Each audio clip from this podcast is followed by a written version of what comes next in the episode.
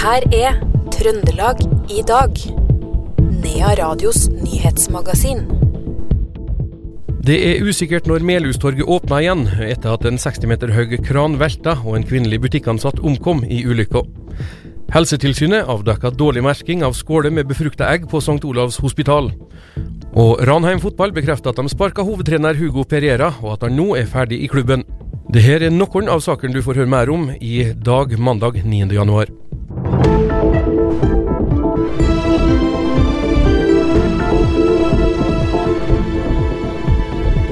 Og vi starta i Melhus, for fredag velta en 60 meter høy kran over kjøpesenteret Melhustorget, hvor en kvinnelig butikkansatt i 50-åra omkom.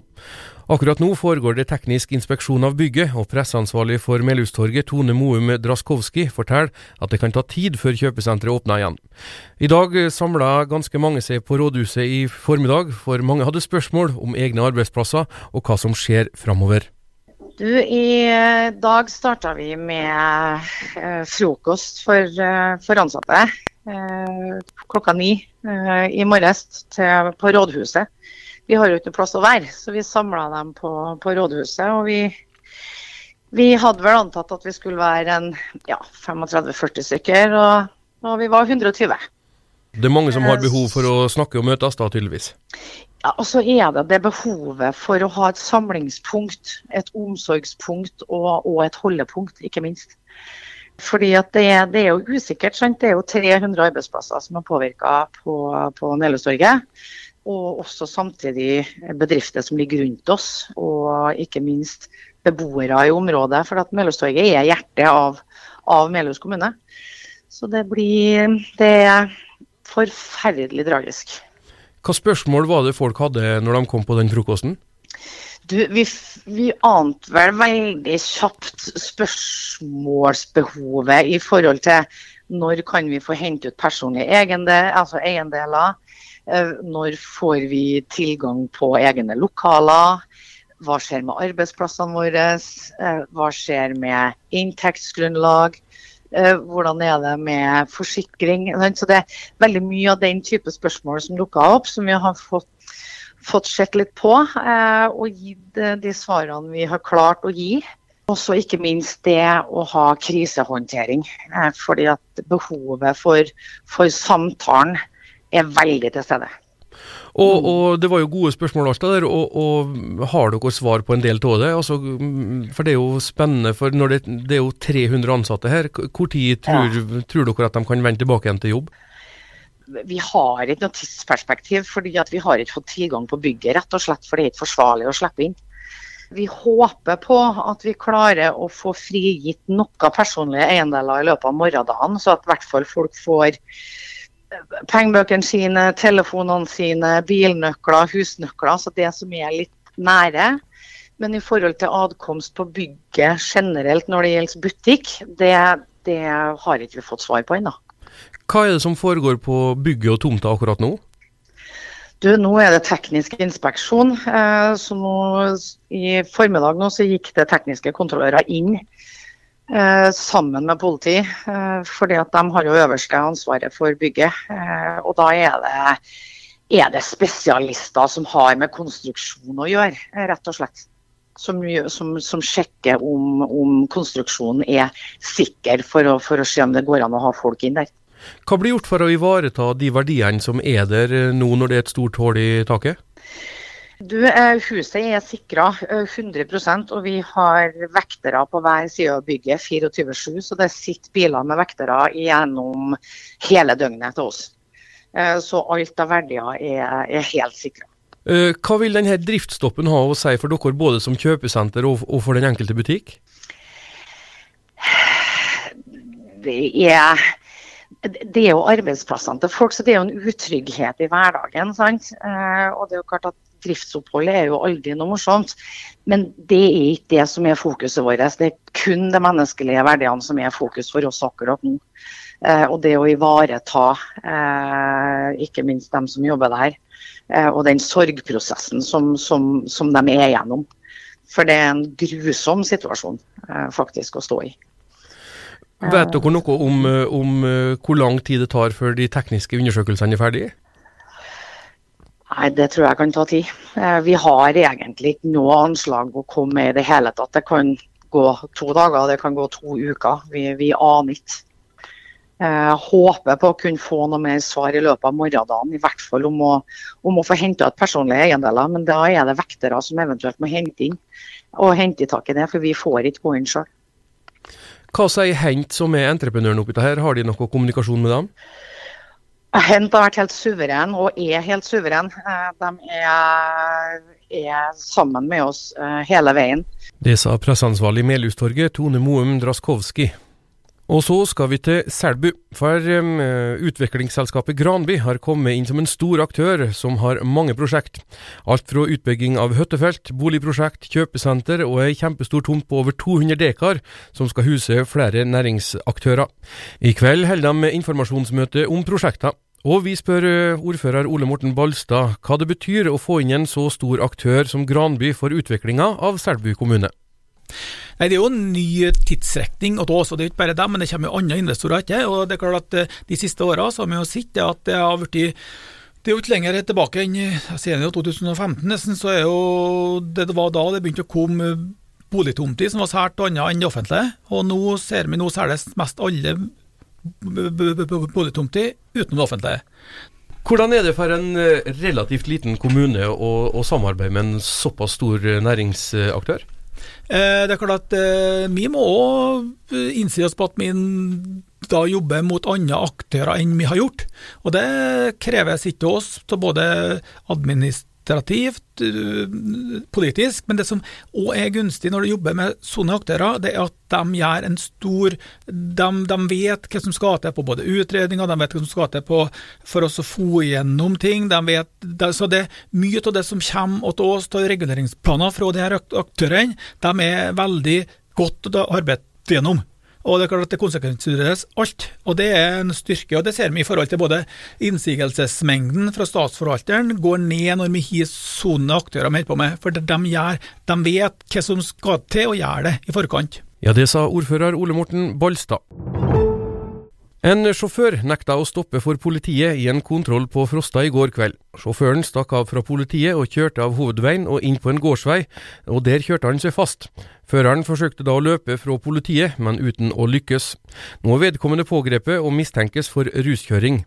Politiet opplyser at det ble funnet narkotika i bilen. I går kveld begynte det å brenne i ei søppelbøtte inne på Risvollan senter. Brannen ble raskt slukka. Politiet skal se på kameraovervåking på stedet for å finne ut hva det var som gjorde at det begynte å brenne i bøtta. En person ble kjørt til St. Olavs hospital etter en utforkjøring i Soknedal i går. Vedkommende fikk førerkortet beslaglagt som følge av hendelsen. Det er ikke meldt om alvorlig personskade, ifølge politiet.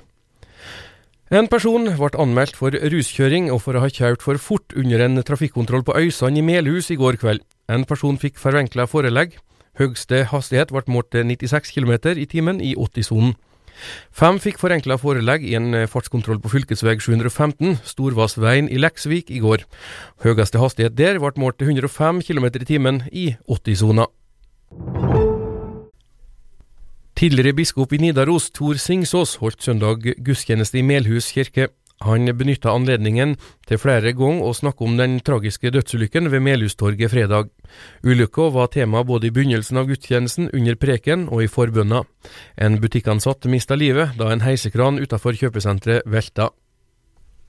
Søndag skrev Heidi Fossland på si Facebook-side at far hennes hadde fått servert dessert som lunsj på sykehjemmet han bor i i Trondheim. Det har skapt debatt etter at flere politikere har svart at det her ikke er akseptabelt. Også kommunedirektør Morten Volden sier til Adresseavisa at han følger opp dette. Kommunalråd Sara Safigi har sendt spørsmål til kommunedirektøren, hvor hun ber om en orientering om hvordan det jobbes næringsfysiologisk med denne tematikken. Spørsmålet vil bli besvart på tirsdagens formannskapsmøte. Fredag ble en mann i 30-åra pågrepet i en trøndersk kommune og sikta for hallikvirksomhet. Det melder Adresseavisa. Mannen vil bli begjært varetektsfengsla i Trøndelag tingrett i fire uker. Politiet ønsker ikke å kommentere saken ytterligere. En mann i 20-åra skal ha terrorisert ei ung kvinne fra Namsos og familien hennes i over ett år, og brutt besøksforbudet 31 ganger, skriver Trønderavisa. I dag starter rettssaken mot stalkeren, der retten skal ta stilling til om atferden hans skyldes sterkt avvikende sinnstilstand. Ifølge tiltalen skal han ha forfulgt kvinna og krenka hennes privatliv på en måte som var egnet til å fremkalle frykt eller engstelse. Tiltalen viser det politiet mener er en systematisk trakassering av kvinnas privatliv. Nortura har bestemt at skjæreavdelinga ved anlegget deres i Steinkjer legges ned til sommeren. Nortura bygger et nytt anlegg i Tønsberg som skal ta seg av denne jobben i framtida. 79 personer jobber ved avdelingen i Steinkjer. Nortura har så langt funnet andre jobber til 55 av dem her. Heksem Rør i Haltdalen er konkurs, melder Fjelljom. Samla har bedriften ei gjeld på 395 000 kroner. Daglig leder Tor Heksem opplyser at oppbudsbegjæringa er pga. at selskapet over tid har hatt dårlig økonomi og få oppdrag, i tillegg til koronaepidemien og andre problem som strømpriser. 42 trøndere har i løpet av de siste fem åra fått innvilga til sammen 3,4 millioner kroner i erstatning pga. feil gjort av tannleger i Trøndelag. I perioden 2018 til 2022 mottok Norsk pasientskadeerstatning i alt 144 søknader fra trøndere om erstatning for feil utført på tenner. Flest saker omhandla rotfyllinger, hvor 13 fikk medhold og 21 fikk avslag. Den gruppen som imidlertid har fått mest utbetalt, er i gruppen tanntrekking. Der har sju pasienter fått til sammen 1,8 millioner kroner i erstatning pga. feil som er gjort. Idrettsgallaens hederspris under Idrettsgallaen lørdag gikk til Marit Breivik fra Levanger. Breivik har både vært håndballspiller og mangeårig trener på kvinnelandslaget i håndball. Hun har i mange år vært sommeridrettssjef og assisterende toppidrettssjef i Olympiatoppen, men valgte i høst å pensjonere seg. Badmintonspiller Helle Sofie Sagøy fra Klæbu ble årets kvinnelige parautøver. Kåre Ingebrigtsen er blant navnene som diskuteres i Ranheim når de nå leter etter ny hovedtrener, det melder Adresseavisa. I går ble det kjent at fotballklubben avslutta samarbeidet med Hugo Pereira pga. dårlige resultat. Ingebrigtsen er i dag sportsleder i Åsane i Bergen.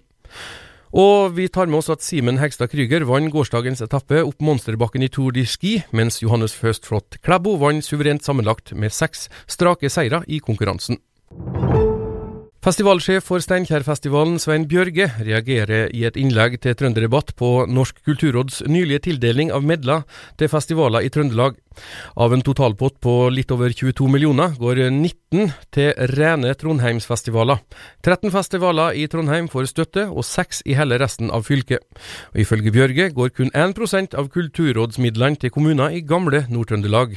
Eh, det er jo helheten jeg ser på, og poenget med det, og fordelinga av midlene. Eh, både det at eh, Trondheim som en kulturby som bugner av tilbud fra før, bare får mer og mer. Mens resten av fylket da må krangle om de småpengene som blir igjen.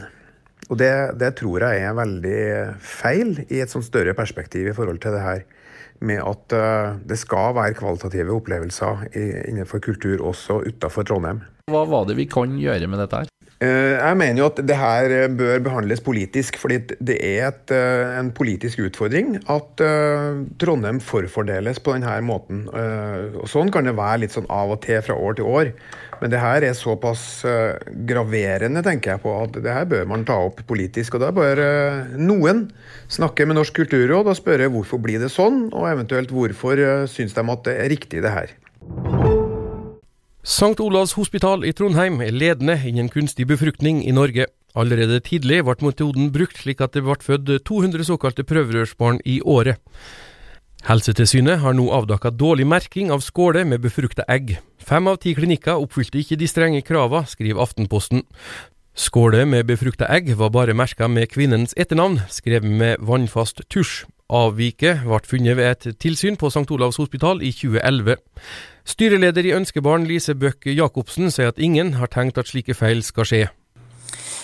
Ja, og jeg tror jo også rett og slett at det er et worst case-scenario, for å si det litt mer på godt norsk, holdt jeg på å si. At, at det i det hele tatt skal kunne skje en sånn type feil. Det er det egentlig ingen som har tenkt seg.